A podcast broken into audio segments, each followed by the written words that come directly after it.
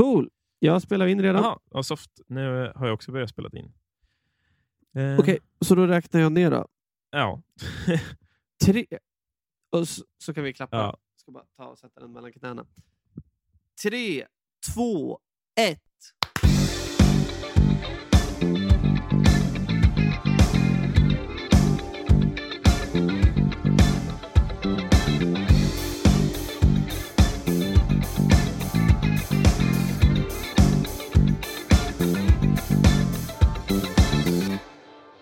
Soft. Jag vet inte egentligen hur mycket den här klappen hjälper eftersom att de ändå inte matchar oftast när vi mixar det här. så. Nej, men det brukar vara i alla fall en relativ, om, för jag spelar in ganska länge innan det. Ja, så, eh, så är det. Det brukar hjälpa mig att hitta transienten bara. Ja. För att då vet vi att det var en gemensam transient. Ja. Soft. Eh, hej Isak! Hej Isak! Hur är läget? Det är rätt, rätt okej och lite så här. Vi hade ju en snackepisod här som några av er redan har hört antagligen. Eh, där jag pratade lite om att Nasti hade en knöl som är min familjehund. Då. Och det tror vi nu är bröstcancer så jag är hemma här och har lite, lite gos med henne, lite, nästan kanske avskedsgos i värsta fall faktiskt. Ja. Men utöver det så är det rätt bra. Det, det är mysigt med jobbet. Ja. Jag förstår det. Det är, det är sorgligt när Mm. sånt händer. Eh, Mhm. Ja. ja, nej men Isak. Eh, vet du vi har ju en podd ihop. Det har vi. Så alla som lyssnar ute, det kanske är någon ny lyssnare, så hej och välkommen till eh, Musikerpodden. Välkommen. Eh, vi är en podd där vi diskuterar allt som innefattar att vara musiker och ha med musik att göra. Både högt och lågt och brett och smalt och in och ut och allt möjligt. Eh, vi, vi pratar lite lätt om, eh, om lite olika delar av, eh, av att vara en musiker helt enkelt. Mhm. Mm. Så det är bra, för då har vi en in till vad vi ska prata om idag. Vad är ämnet idag, Zack? Ämnet idag är någonting som jag och Isak brinner väldigt mycket för eh, och det är musikproduktion. Mm. Mm, exakt. Mm. Så vad är musikproduktion? Ah, just det, fuck, jag glömde taglinen på en gång. Ah, shit. Det är som att jag aldrig har gjort det här. Jag är nybörjare fortfarande. Det har du inte. Jajamän. Ja, vad är musikproduktion? Isak, vad skulle du beskriva musikproduktion som? Musikproduktion är strävan att från en idé skapa ett ljud och en ljudbild för ett ljudkonstverk Mm. som eh, ger den känslan du vill ge. Exakt. Det är en ganska fin beskrivning. Det är den väldigt nördiga de- deskriptionen, men det är väl egentligen det det handlar om. Det är ju allting från att någon har en idé, jag har en låt, Mm. eller kanske jag gillar det här ackordet, eller jag har en fin text, till när du kan lyssna på den på exempel Spotify. Mm. Ja, liksom, musikproduktion är ju på något sätt en, en erfarenhet eh, av hur vi utvecklar både en låt ljudmässigt och ackordmässigt, men samtidigt i, eh, i våra datorer när vi spelar in det, hur vi får produktionen att låta som vi vill. Exakt. Så det är väldigt, det är därför jag tror det är så här, du säger att vi båda brinner för det. Och det är just därför att det är så här, när den väl börjar intressera sig för det så öppnar det så många dörrar. Och det gör allting så mycket mer nyanserat. Det handlar inte längre om att bara nu tar jag ett E på gitarren. Utan tar jag ett E med mycket reverb, Mm. tar jag ett E med 10 000 nivåer av dist, tar jag ett E med massa chorus, Ja.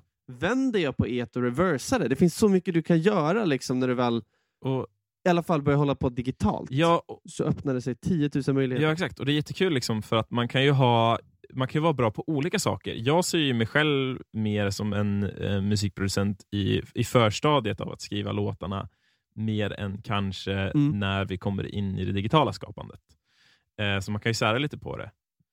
Eh, men vi kommer ju gå in på de här mer grejerna, för nu har vi slängt oss med lite så här eh, eh, delay och, och reverb och dist och grejer. Och vi kommer, vi kommer bryta ner det lite det här avsnittet om Eh, vad, vad är det vi Det pratar vi. om egentligen? För det här är ju ett lingo som man måste lära sig för man ska in i studion. Så att man liksom kan förstå Ah, yes. vad, vad man vill göra och man kan förmedla sin idé som man har till sin musikproducent som man kanske kommer ha, eller ifall man Mm. jobbar själv som musikproducent och vill förmedla det till artisten man jobbar med. Exakt. Jättebra förklaring. Men jag tänker det här. du hittade ju faktiskt en lite rolig länk som vi skulle kunna prata om först. Ja. Det är lite historien av det här. Då. För nu grundligt så gav jag ju en så ganska så här, nästan akademisk förklaring av vad musikproduktion är. Och Det gjorde jag lite för att musikproduktion på många sätt kan ni ju se handlar ju om den här idén att förändra från det grundläggande bara akustiska. Alltså om jag spelar på en gitarr så är det som det klassas som en temporal konst. Och med Det betyder alltså att den händer ju under tid. Mm. Alltså Du kan ju inte titta på ett gitarrackord utan det är någonting du upplever med öronen. Mm. Vilket betyder att du hör det och sen hör du det inte längre. Och hela grejen med musikproduktion är ju egentligen en strävan efter att kunna frysa någonting i tiden. Mm. Och sen har det blivit massa mer idéer ovanpå det. Men det här är ju faktiskt inte, det är gammalt, men på något sätt så är det inte tillräckligt gammalt upplever jag när man tittar på det. Först, det finns en sida här som heter firstsounds.org som du hittar sagt. Ja, jag tyckte den var, jätte, du- jag tyckte den var jättebra faktiskt. Ja. Eh, historiemässigt. Att Ja, det var de, har, de har liksom, det är några som har troget forskat i det här med hur, vad är egentligen en inspelning och vart kommer det ifrån? Ja, precis. De har funnits sedan 2007 då. Och de har tre här, de tre äldsta ljuden. en, Eh, Edouard Leon Scott de Martinville eh, var skaparen till vad vi tror är den första ljudinspelningsmanicken.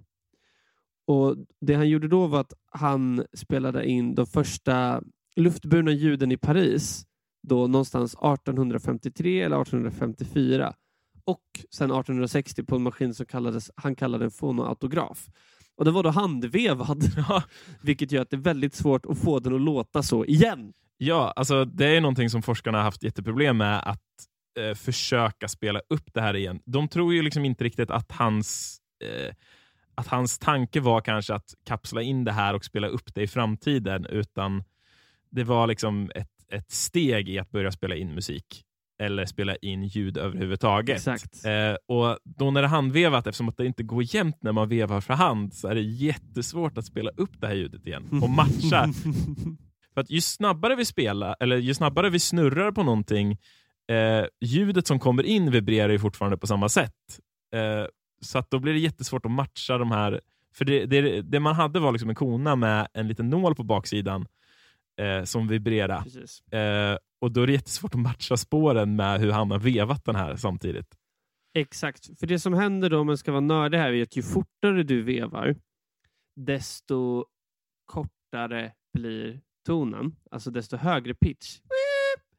Och om du vevar långsammare, desto lägre pitch. Och det, det är ju, beror ju på det här på hertz som vi kommer in, kommer in på Mm. sen.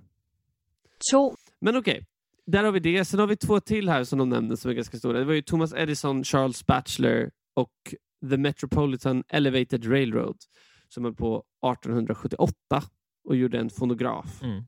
tre, Och sen har vi också The Volta Laboratory Associates som var Alexander Graham Bell och som eh, också var det Charles Sumner Tainter som var med. Och De håller också på jobbade med ljud och att spela upp ljud och hur det funkade på 1880-talet. Så vi hamnar någonstans på slutet och mitten av 1800-talet. Ja. Och det är ju, om ni tänker på det då betyder det alltså att nu är vi ju på, just nu alltså sitter vi i 2022. Vilket betyder att det är 1880-talet, vad är det? Det är 1920-talet, det är 100 år, eller och sen är det 40 år till då ungefär. Så att det, är, ja, det är så illa som att det är 140-150 år. Mm. Innan dess är historien tyst. Ja. Det finns alltså ingen möjlighet att höra hur någonting alls lät innan dess. För att alla de ljuden är borta. Exakt. Alltså, och, och då är det också sådär, den sista vi nämnde nu liksom med eh, Alexander Bell, liksom, det, var ju att, det var ju första inspelningen som hade med tanken över att man skulle kunna spela upp det igen.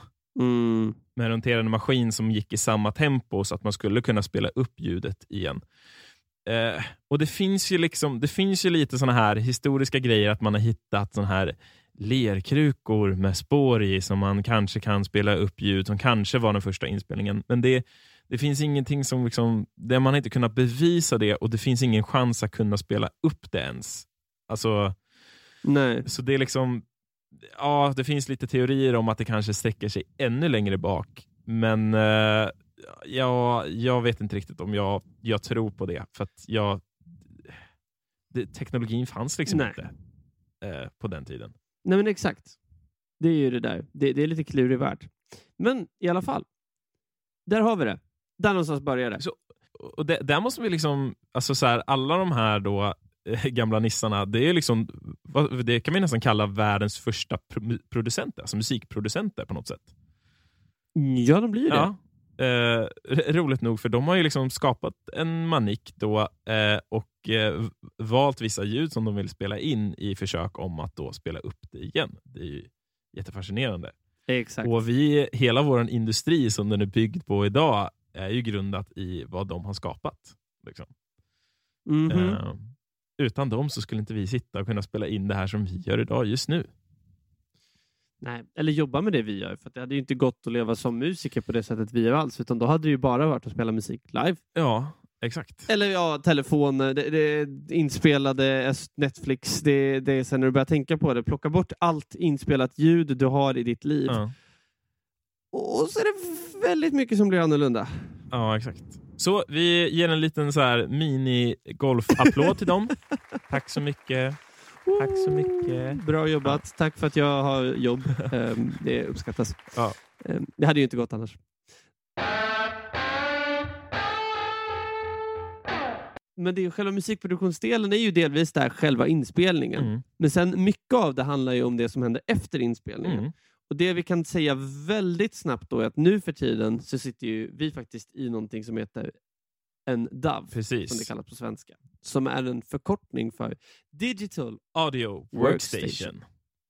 Exakt. Nice. Och, det, och det, det, det intressanta här då är att det är så vi jobbar nu för tiden. Men går vi tillbaka, så hur den jobbade innan var ju att den jobbade på band. Mm. Alltså analoga band. Exakt. Värt att nämna. Det kommer vi gå in på djupare sen. Det finns folk som gör det idag också. Ja. Eh, det är skitcoolt. Hela den, den grejen faktiskt. Men ja, Det, det finns väldigt jag, jag hade inte så mycket mer att säga där. Det är skitcoolt. Eh, men eh, men det, vi, vi tar det sen, precis som Isak sa. Jag återupprepar bara vad du säger nu Isak. Ja. Det känns bra för mig. det, är lagom. Vad gör jag Ja, här kanske är Vad är ja. mitt jobb? Ja.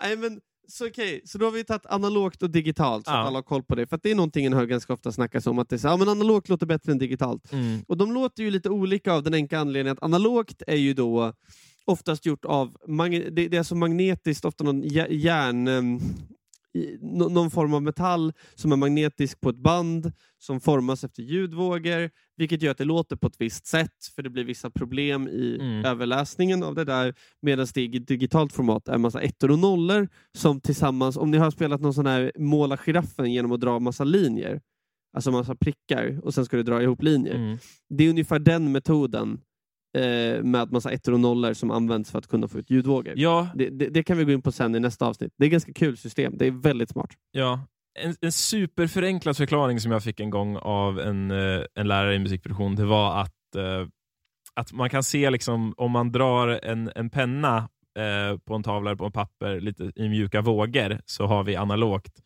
Om vi ritar det eh, liksom, lite fyrkantigt som en trappa som går upp och ner, där har vi digitala eh, ljudvågor. Yes. Och sen har vi då Yes. i våra datorer någonting som konverterar det här till att se ut som mjuka och fina vågor igen.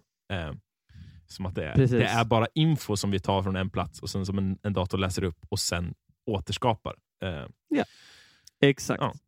Och då tänker jag att då har vi ändå gett lite grundförklaringar. Nu har vi förklarat lite grundligt vad analogt och digitalt är. Lite backstory. För, för problemet här är att jag och Zack försöker att göra den här episoden kortare. För att vi kan prata om det här i tre timmar. Ja. Det gör vi när vi själva. Så vi försöker nu jobba hårt. Det är därför vi kanske låter lite stressade här. Det kommer bli mer. Vi ska försöka prata om det här fler gånger. ja.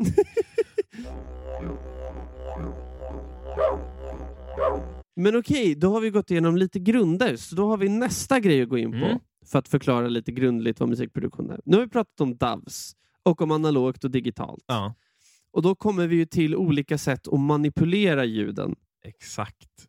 Och Det här är riktigt kul. Det här är liksom det som, som många när de liksom, eh, börjar komma in i musikproduktion och studio liksom, vill djupdyka sig i på en gång. Liksom. Eh, Mm, exakt. Och då, då har vi en lista med effekter och vi tänkte så att vi ska lite sakta men säkert nu gå igenom varje effekt och sen så kanske vi till och med lägger på effekterna under tiden vi pratar. Så ni får höra hur de här effekterna låter. Vad tycker du om den idén Isak? Det låter perfekt. Nice. Eh, kompressor, det är väl en ganska bra grej att börja med? Ja, men kompressor är ju en väldigt bra grej med. För den använder den väldigt ofta. En kompressor, en kan tänka det som en robotarm Mm. som säger när volymen blir över den här nivån så ska du sänka så här stor del av volymökningen. Mm. Det är som, Det är den enkla delen att förklara. Man skulle nästan också kunna säga, eh, det är som när man tar ett eh, skolkort med sina klasskamrater och alla är i olika längd, eh, så sätter man eh, stolar under de som är för långa Korta. och de som är alldeles för långa de får böja på knäna lite så att alla blir lika långa för kortets skull. Jajamän, precis. Det är väl en superenkel förklaring Det- det- om vad en kompressor gör. Det, det är en superenkel förklaring. Och så här kan en kompressor låta. Om jag pratar lite nu så hör ni att min röst blir lite annorlunda och så ställer vi in lite olika inställningar. Det är ganska svårt att höra ibland. Mm. Vad är nästa effekt? Nästa effekt det är en EQ. Och En EQ det är att vi, vi har ju liksom ett spektrum av 20 Hz till 20 000 Hz som våra öron hör. Och Alla de här frekvenserna kan vi då höja och sänka för att manipulera ljudet eh, för att låta ja, bättre kan man väl säga, men lite vad, mer vad vi vill. Eh, så liksom, om vi skulle säga då att vi bara tar till exempel mellan 500 hertz och eh, 1000 Hz och sen höjer vi den supermycket så skulle det låta ungefär så här. Och det är ju jättekul att vi kan ändra de här grejerna, men vi kan också lägga på någonting som kallas för high och low pass filter. Det är att vi liksom tar och kapar bort allting. Så om vi tar ett low pass filter så tar vi och kapar bort allting som är jätteljust och sen sakta men säkert så försvinner det och så blir det bara allt det här mullriga, basiga kvar. Sen har vi också high pass filter. Då släpper vi alltså förbi allt det ljusa, alltså alla höga hedge. Och så försvinner då alla basfrekvenser. Och nu då så har jag lagt på det här under Precis. tiden jag pratar om det Isak, ifall du undrar varför jag sa så. det låter perfekt. Nej men det är ju så, EQ är ju där du får möjligheten att påverka väldigt mycket mer än en tror. Och EQ är ett sånt där verktyg, precis som kompressor, som tar ganska lång tid att höra ordentligt. Mm. För att ibland handlar det om väldigt små justeringar som kan ge väldigt mycket. Mm. Och Vi kommer gå in och ha en hel episod om EQ också, så det kommer att komma mycket mer förklaringar om det här. Mm. EQ står också för equalizer. Ja, det glömde jag säga. Och sen kan jag ta nästa då, då har vi dist, Mm. som också är en förkortning som står egentligen för distorsion. Mm. Och då har vi ju flera olika typer av det. När vi pratar gitarrpedaler, då brukar vi prata om overdrive, dist, fuzz och så vidare. Mm. Så det finns flera typer av det. Det är egentligen att om du tänker den här vågen vi pratade om förut, om du tänker att du skär av toppen på den så att det blir helt platt. Där har du fått till dist. Mm. Så det är egentligen att vi överbelastar en ljud, ljudkälla på något sätt. Och det låter så här. Eller så här. Eller så här. Det är väldigt coolt. Den används ju väldigt, väldigt mycket i till exempel rockmusik. När man har distade gitarrer så brukar man kunna känna igen det. Ja, Men sen har vi... precis. Sen har vi Det trycker fram ljud. ja, exakt. Sen, men efter det Isak, så har vi massor med alltså, tidseffekter som vi använder. Mhm. Och Det är liksom effekter som vi använder som liksom drar lite i liksom tid och rum. Så man kan liksom känna som att man förlänger någonting eller komprimerar ihop någonting. Och det är skitcoolt. Eh, där har vi till exempel delay som är den vanligaste. Mm. Och det delay Precis. gör det är att man tar då sin röst som man pratar och sen så är det som att den ekar i rummet och kommer igen. Kommer igen. Ja, Den liksom studsar. Exakt. Så man säger hej, så hej, hej, hej. Den blir, kommer flera gånger. Mm. Och där finns det massa olika varianter av analoga och digitala och så vidare. Ja. Det är många. Den är absolut alla tänker på när jag säger tidseffekter, så det är den folk tänker tid. Okej, Ja. delay är tid. Men den som är lite lurigare där, det har vi, här har vi en av dem som kommer upp. Det är korus. Mm. Och korus låter så här, jag slänger bara på det på rösten medan jag pratar. Och det är egentligen också att det är en ganska liten, liten förskjutning på ljudet. Vi snackar millisekunder här. Jag tror att vi snackar någonstans, om jag inte minns fel, ni kan få rätta mig sen. Eh, jag tror det är någonstans mellan 10 till 20 millisekunder som vi snackar korus, kanske ner till 8 också. Mm. Det låter lite grunge. Ja, det är skitcoolt. Mhm. Vad har vi sen för mer tidseffekter? Ja, sen har vi ju en flanger. Eh, och det är liksom att man spelar upp ett ljud samtidigt som man liksom fördröjer en kopia eh, av det originalljudet. Eh, som liksom har korta intervaller mellan varandra. Så det är liksom... Mm. Eh, ja, det, det är liksom, vi kan ju djupdyka här också, men jag tänker att vi bara slänger på den så får ni höra hur en flanger låter. Det blir nästan lättast. Ja, precis.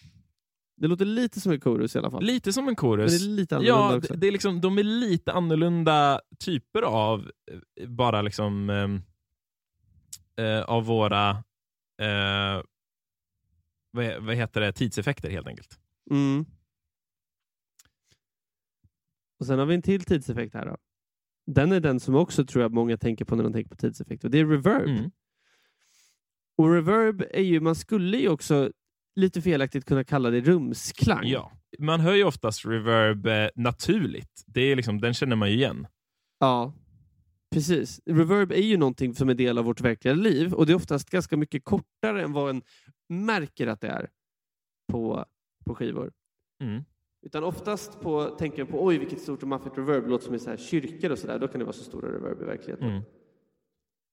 Men oftast så ligger det ändå på de skivorna också. Vanliga rumsreverb. För om ni har tänkt på det någon gång så är det när vi städar en lägenhet exempelvis, eller ett rum bara och tar ut allting så plötsligt låter det helt annorlunda. Mm. Det ekar nästan. Och det är ju för att rumsklangen är tillbaka för att du dämpat den med allting. Och reverb är ju precis som delay egentligen att ljudet förskjuts. Men det förskjuts hundratusen gånger kanske, i alla fall tusen gånger. Mm. På jätte, jättesmå skillnader bara. Ja. Det är därför det låter som det här mjuka.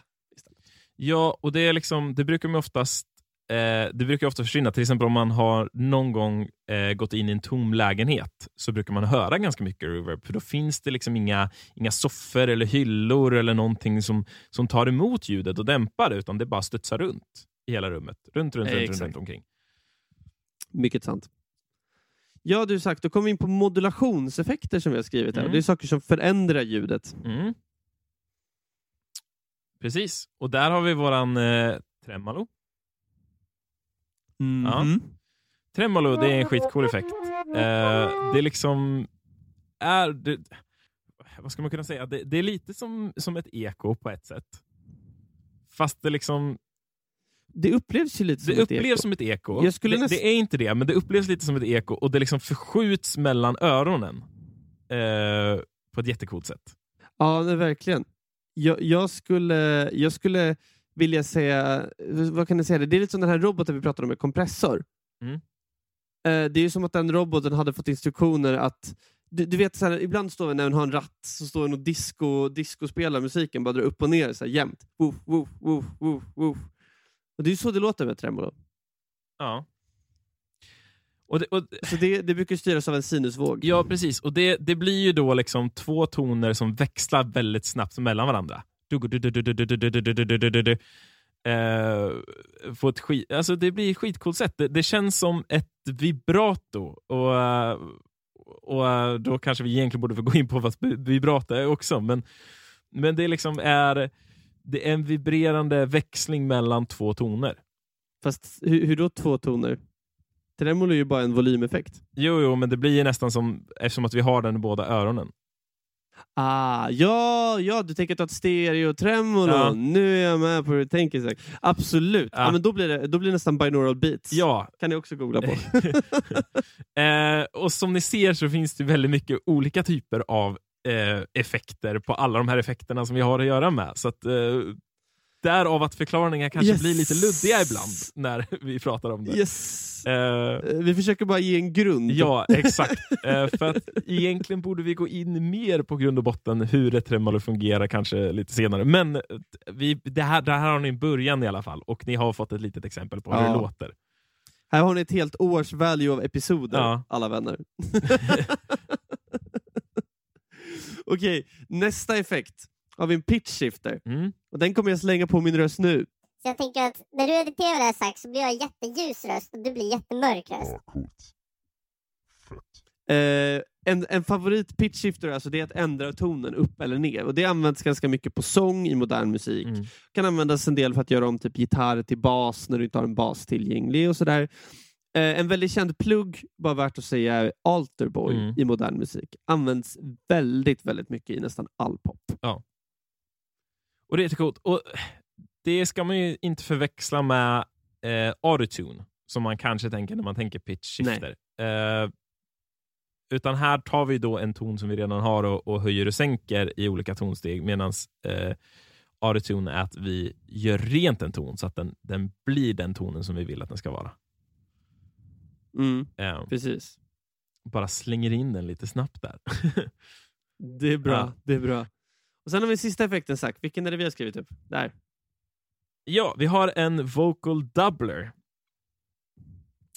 Och den är, gör ju lite vad, vad den heter. Det är, det är liksom en vokaldubblare. Alltså den tar ljudinspelningen som vi har nu och sen så dubblerar vi det eh, en eller flera omgångar. Eh, så man kan ha det både i mitten och sen möjligtvis till höger och vänster samtidigt. Eh, Mhm. mm. Och det gör Det, det är en bra förklaring. Ja, vi använder oftast det för att trycka på ljud lite mer. Eh, framförallt inom, inom sång då. Nej men precis, det, det, det är ju det. Och eh, det som är värt att säga där är ju att det där är ju en effekt som man tänker på som en separat effekt, Mm. som är gjord av flera effekter. Det är ju, om man tittar på det så är det tillsammans här då så har du Först så gör du om det till en, från en monosignal då till två olika signaler, så du modifierar dem olika. Mm. Sen kanske du har lite pitchskifter, några cents, alltså hundradelar av en halvton upp och ner på de olika, så att de har lite olika ton. Och Sen har du lite delay, så att de har lite olika tidsförskjutning mot den originella lyden. Mm. Och så håller du på så, och då är det plötsligt så låter det ju som en ny stämma som inte sjunger exakt likadant. Exakt. För, förr i tiden då hade man inte det här och då var det ifall man tog en sångtagning och sen ville man ha den både i mitten och jättepanorerat höger och vänster så tog man två tagningar till. Så när man försökte sjunga så likt den leader man ville ha som möjligt. Eh, nu för tiden så kan man ju liksom göra det då via en effektplugg som heter Vocal Doubler som har då flera andra eh, effekter i sig som gör då så att det låter som att Exakt. det är olika tagningar. Yes. Mm. Det, det, det, det är svårt att inte bli nördig när vi pratar om det här. Ja, Så jag tycker så här, vi hoppar vidare från det här med effekter. ja, Fräckt ämne.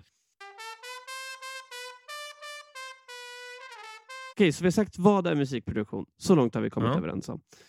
Det är någonting för att skapa ljud. Men vad, vad egentligen är stegen i det då? För att det är ju massa olika delar egentligen. Mm. Vi, vi pratade lite om det här i början, att, att du och jag gillar lite olika delar i musikproduktion. Eh, men vi, vi Ja. har ju liksom en kedja av steg som vi går igenom. Eh, och Då har vi komposition, eh, arrangering, inspelning, mixning och mastering. Mhm. Och Nu tar vi liksom lite grundligt, vad är då alla de här stegen? Komposition, Isak. Vad är komposition för någonting? Det är ju att bestämma hur någonting ska vara, Mm. skulle jag väl säga. Ja. Det man tänker är att en, en komposition, det är ju exempelvis då så här, då har du ju ofta, i ofta mesta musik så har du sång. Så då har du alltså en text kanske, Mm. och sen har du en melodi till sången. Det är det som brukar klassas som en topline. Och sen har du oftast en rytmsektion av något slag och kanske ackord, brukar ofta ha tydligt på något slag, och kanske lite melodiinstrument. Mm. Det är att komponera ihop det här då, att få det att, att hänga ihop en komposition. Ja.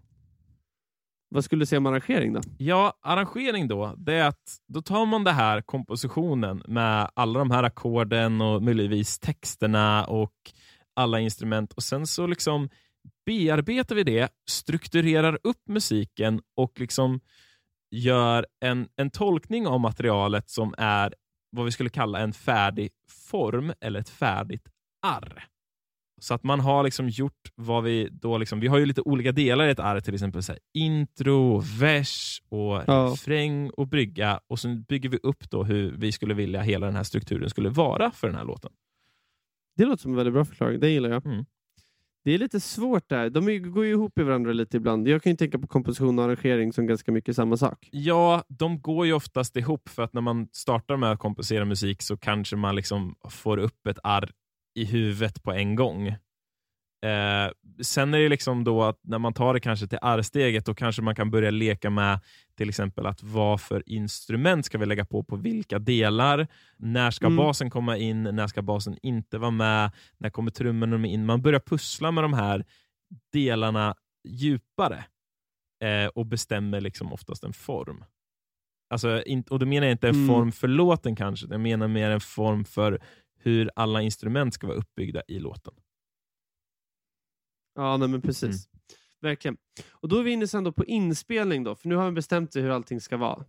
Mm. Då har vi inspelningen och det är ju själva processen då att gå från okej, vi vet hur du vill att det ska låta Mm. till att få ner det så att säga på papper.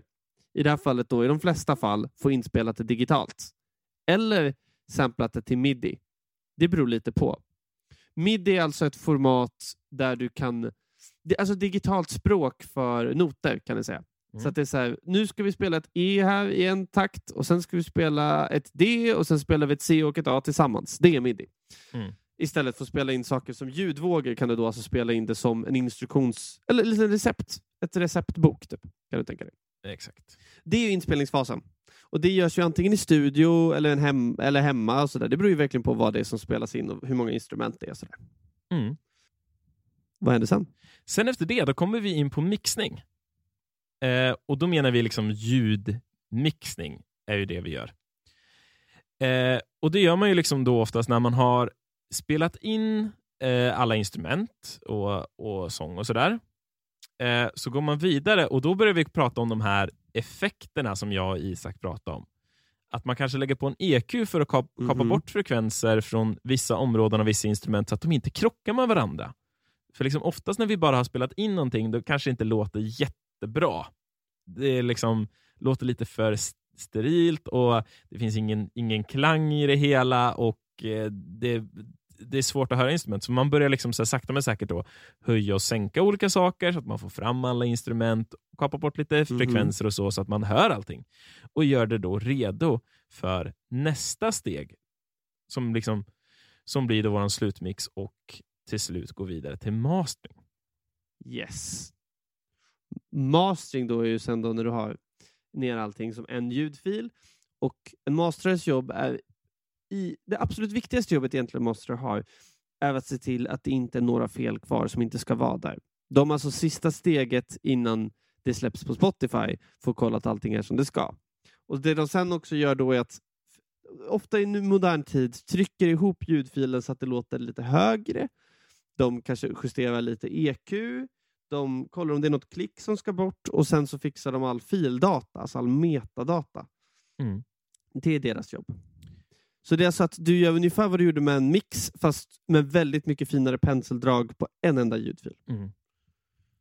Och Det här är lite spännande för att alla de här stegen de kan ju hoppa lite fram och tillbaka. Oh ja. Framförallt mellan mix och mastering, för då är det ju sådär från inspelning då så tar man ju då och väljer ut vilka tagningar som blir bäst och så mixar man dem och sen så skickar man dem eh, på mastering sen när man tycker att det är klart. Men då kanske det visar sig att när man har masterat låten att nej men det lät inte alls riktigt som jag ville att det skulle låta. Då får man hoppa tillbaka till mixning och ändra lite saker. Mhm, precis. Det är inte helt ovanligt. Bra! Ja. Nu fick vi till en grund i det här och vi lyckades så inte ta en halvtimme per Ja, del. jag tyckte vi... var lite orolig, jag var nära på att börja prata mikrofoner. Ja, jag, ty jag, tyckte vi, jag tycker vi har gjort ett jättebra steg att försöka komprimera det här och få ihop det på en liten kort eh, en liten kort eh, infostund om alla. Och det, det är det som jag och Isak har pratat om ibland, speciellt på, eh, på vår lilla eh, poddhänghörna som vi har eh, för våra prenumeranter, där vi, där vi pratar om att ibland är det ganska svårt med att ha en informationspodd och just försöka förenkla saker. Eh, ja. För det blir så svårt när, man, när, man, när det finns så mycket delar i varje grej som man vill dela med sig av.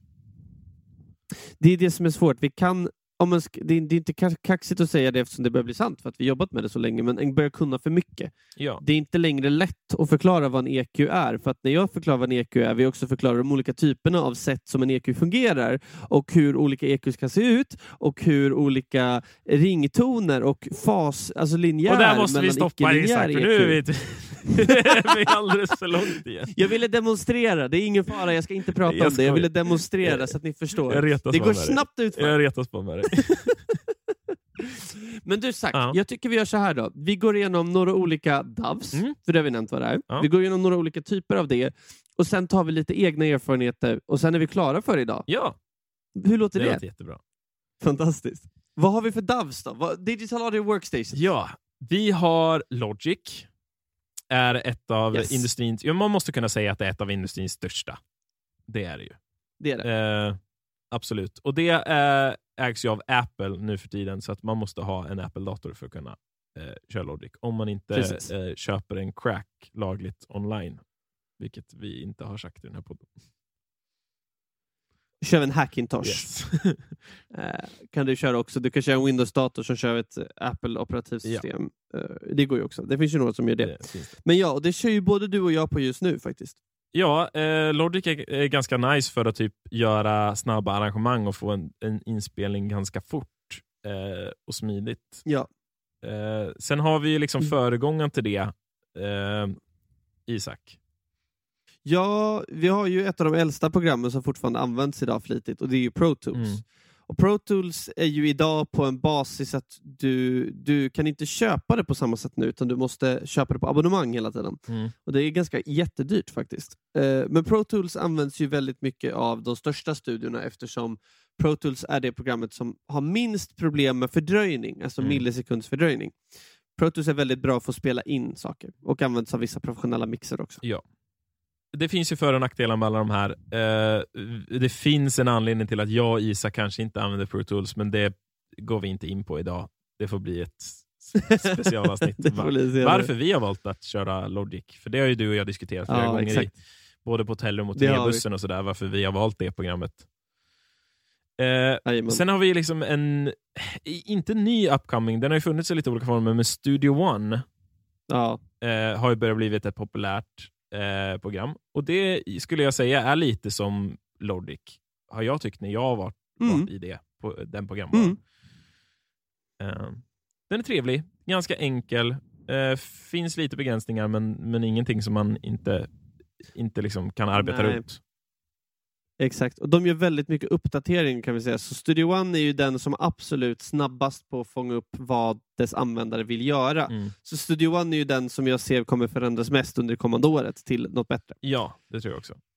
Och sen har vi ju då FL Studio måste vi ändå nämna. Och det är Mm. ju mer om vi pratar exempelvis Lil Peep, Emo Trap, mycket house och liknande. Avicii satt ju också exempelvis Mm. i FL. Och det är ju då lite mer, det är gjort enligt det här att du har 16 slag och sen kan du ploppa in ja, men om du ska slå eller inte slå, om du ska kick eller snare och sådär. Så det är lite mer som en sequencer från början Mm. som fungerar som en DAV. Så den är lite mer simplare ofta kan en tycka än de andra Ja. och används just oftare till elektronisk musik som använder sig mycket mer av ljud i program. Ja. Sen, sen har vi en till eh, som Ja. man kanske inte riktigt ser som, som en dag på det sättet, för, för tidigare har det varit mer av ett liveprogram och det är ju Ableton. Jag tänkte att vi måste nämna det. Ja, Ableton använder ju jag nästan lika mycket som Logic, men jag använder det kanske inte som eh, ett program att spela in i. Jag använder det som ett liveprogram för att köra loops eller för att köra backing tracks eller ljusshower och sånt i livesammanhang. Men det är ju en, en dag eh, och det går bra att spela in med Ableton. Så det är också, också en av de största. Logic, Ableton, Pro Tools, det är liksom de topp tre skulle jag vilja påstå. Ja. Ehm, sen, sen, Och så Studio One också ju. ja, alltså, alltså, skulle jag nog säga nu. Ja, alla de här är ju såklart de största. Det finns ju små företag också. Det finns ju liksom, vi har ju Reaper och liksom andra program. Eh, Ja. Men de är inte riktigt lika populära. Jag träffar inte så många människor som är så här, åh gud, jag är en Reaper-användare. Eh, Nej, roligt nog. Eh, men, men sen, Nej men sen liksom känner man nu efter det här avsnittet att jag skulle vilja börja. Jag har inte en digital audio workstation hemma på min dator. Vad, vad kan jag använda då? Har du en Mac-dator Mm. eller en Mac-iPad eh, så äh, finns det ett program som hänger med som är liksom, eh, liksom eh, lillebror-programmet till Logic som heter GarageBand. Eh, där kan du spela in eh, både, både analogt och köra digitala grejer. Eh, funkar jättebra ifall man är nybörjare. Eh, sen har vi också en onlinebaserad eh, dag som heter Bandlab. Ja, precis. Eh, som är helt på nätet. Så man behöver inte ladda ner någonting på datorn, utan man går in på Bandlads hemsida, det är helt gratis, eh, skriver in sin mail och skapar ett konto. Så har man liksom sina, sina låtar och sina projekt där. Och den skulle jag nog också Isak kunna säga är en bra alternativ ifall man arbetar med andra musikproducenter på distans. Eh, Mm. och vill köra en online session så är alltså Bandlab är ganska smidigt faktiskt. Det är det. Det, finns, alltså det, det, är, bra, det är bra tips. Mm. Alltså absolut att det inte mäts upp till liksom Logic och Pro Tools och de mer avancerade programmen på vad man kan göra. Men om man bara ska göra ett arr och skriva en låt, svinbra. Jättebra. Det finns också faktiskt, det ska nog sägas till de flesta, de här, exempelvis Studio One och tror jag till Pro Tools och säkert till de flesta andra också, så finns det oftast en 30 dagars trial så att Mm. den kan sätta sig och ladda ner något av dem och testa dem. Ja. egentligen. Utan att egentligen bestämma sig. Exakt. Vad, har du någon egen personlig erfarenhet du vill säga innan vi avslutar den här episoden? Eh, ja, eh, det har jag. Hur jag kom in i det här med att arbeta med musikproduktion, det var ju liksom kanske från att man själv gick in i studion första gången. Jag var 14 tror jag första gången jag gick in i studion eh, och skulle spela in och eh, ljudteknikern där frågade mig vad är det för tempo på låten och jag svarade tempo. Eh, och, sen, och sen så sa han ja till metronomen och då sa jag metronom? Frågetecken. Eh, stryk skit. Eh, men så sa han att eh, det finns, fanns ett gratisprogram då och det var Reaper. Reaper var gratis då eh, och ganska, Mm. ganska ungt program. Eh, så jag laddade ner Reaper och liksom började göra mina egna grejer med loops och sånt. Och när jag sen sökte in till gymnasiet, liksom, vad var det, ett år senare eller någonting, eh, så hade jag liksom fått en liten grund i det. Även om jag inte hade fått någon hjälp så hade man liksom kunnat leta mycket online och på, eh, på Youtube och så och lärt mig. Eh, och började faktiskt musikproduktion. Eh, var ju egentligen programmet jag gick. Sen så Mm. blev jag trummis mer för att det fanns inga trummisar på skolan, så jag fick gå ensemble samtidigt. Så jag gick ju liksom, fulgick två linjer samtidigt under mitt gymnasium. Eh, men det var liksom min grund. Sen så eh, dippade jag lite musikproduktion efter gymnasiet, men sen så kom jag igång igen när jag började plugga i USA och min kompis Max som praktiserade på en studio som heter Echo Bar. Eh, och då ville jag säga shit, musikproduktion är ju kul. Liksom, varför slutade jag med det här? Och började men liksom, eh, öppna upp Logic igen och köra. Eh, och sen har jag liksom ja, men producerat för, för lite olika artister och gjort lite inspelningar. Eh, och sen landat mer bekvämt i att jag gillar arrangemang mer och göra det. Det har liksom blivit mer min grej. Så.